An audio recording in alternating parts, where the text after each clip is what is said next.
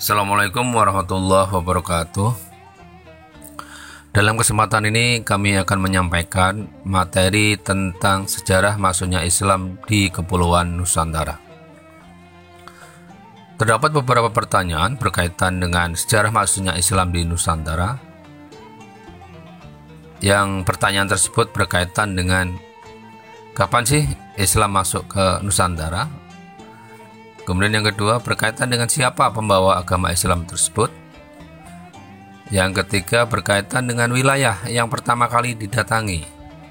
Serta yang keempat berasal dari mana agama Islam yang pertama kali masuk ke Indonesia atau ke Nusantara. Nah, untuk menjawab pertanyaan tersebut di atas, tidak terlepas dari empat pendapat atau empat teori tentang masuknya Islam ke Nusantara. Yang pertama adalah teori Gujarat. Teori ini dituliskan oleh Drewes yang dikembangkan oleh sanak hordanya yang meyakini bahwa awal mula sejarah masuknya Islam ke Nusantara itu melalui Gujarat, India.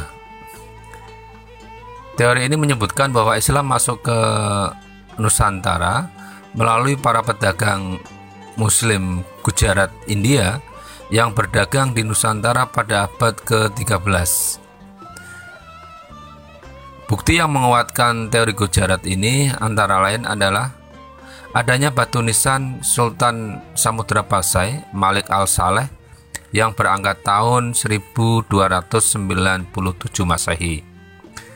Kemudian yang kedua, Keterangan dari Marco Polo, salah seorang penjelajah dari kota Venesia, Italia, yang pernah singgah di Perla, Aceh pada tahun 1292 Masehi, dia mengatakan bahwa banyak penduduk Perla yang menganut agama Islam dan banyak pedagang Islam dari India yang mengajarkan atau menyebarkan ajaran Islam di wilayah tersebut. Teori yang kedua adalah teori Mekah. Teori Mekah ini merupakan teori Islam yang menyebutkan bahwa Islam masuk ke Nusantara itu langsung dari tanah Arab pada masa kekhalifahan. Teori ini dikemukakan oleh Van Leer dan bukti-bukti yang menguatkan teori ini pertama adalah bahwa pada abad ke-7, tepatnya pada tahun 674 Masehi, di pantai barat Sumatera sudah terdapat perkampungan Islam. Dengan pertimbangan bahwa pedagang Arab sudah mendirikan perkampungan di Kanton pada abad ke-4. Kemudian yang kedua bahwa di kawasan yang merupakan kekuasaan kerajaan Sriwijaya juga ditemukan batu nisan yang bertuliskan nama Syekh Rukunuddin yang wafat pada tahun 672 Masehi. Kemudian yang ketiga, teori Persia. Teori ini menyatakan bahwa asal mula sejarah masuknya agama Islam ke Nusantara itu berasal dari Persia atau sekarang negara Iran. Teori ini didukung oleh Hussein Jayadiningrat dan Umar Amir Hussein. Berdasarkan teori Persia, ajaran Islam masuk ke Nusantara itu pada abad ke-7 Masehi. Teori ini diperkuat dengan beberapa bukti, antara lain pertama, peringatan 10 Muharram atau Asura yaitu meninggalnya Sayyidina Husain cucu Nabi Muhammad di Karbala. Di mana di Sumatera Barat peringatan ini disebut dengan upacara tabui atau tabut. Sedangkan kalau di Pulau Jawa ditandai dengan pembuatan bubur suran bubur suran.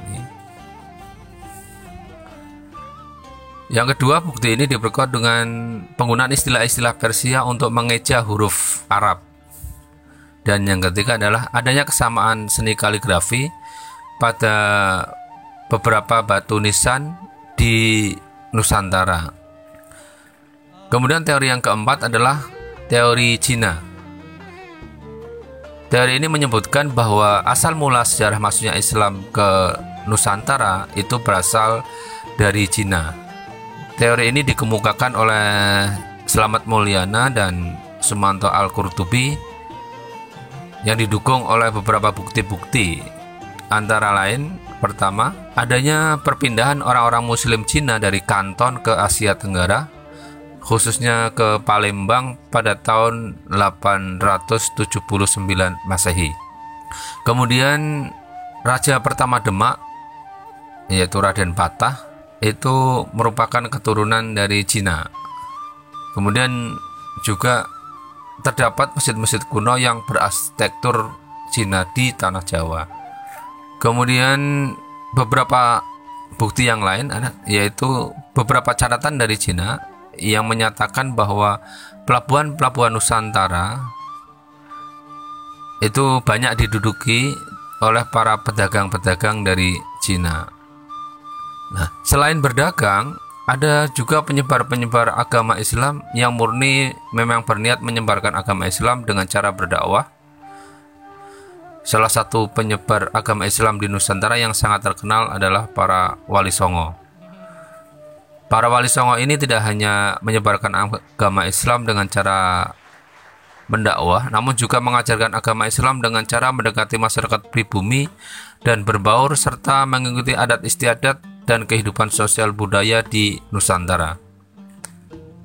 Begitu banyaknya sejarah mengenai agama Islam membuat umat di dalamnya memiliki perbedaan masing-masing yang membuat dinamika yang berkembang di masyarakat Nusantara hingga saat ini.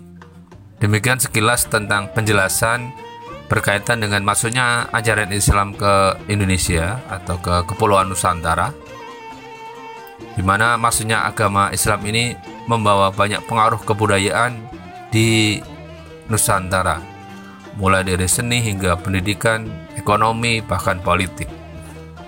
Terima kasih dan kami akhiri wassalamualaikum warahmatullahi wabarakatuh.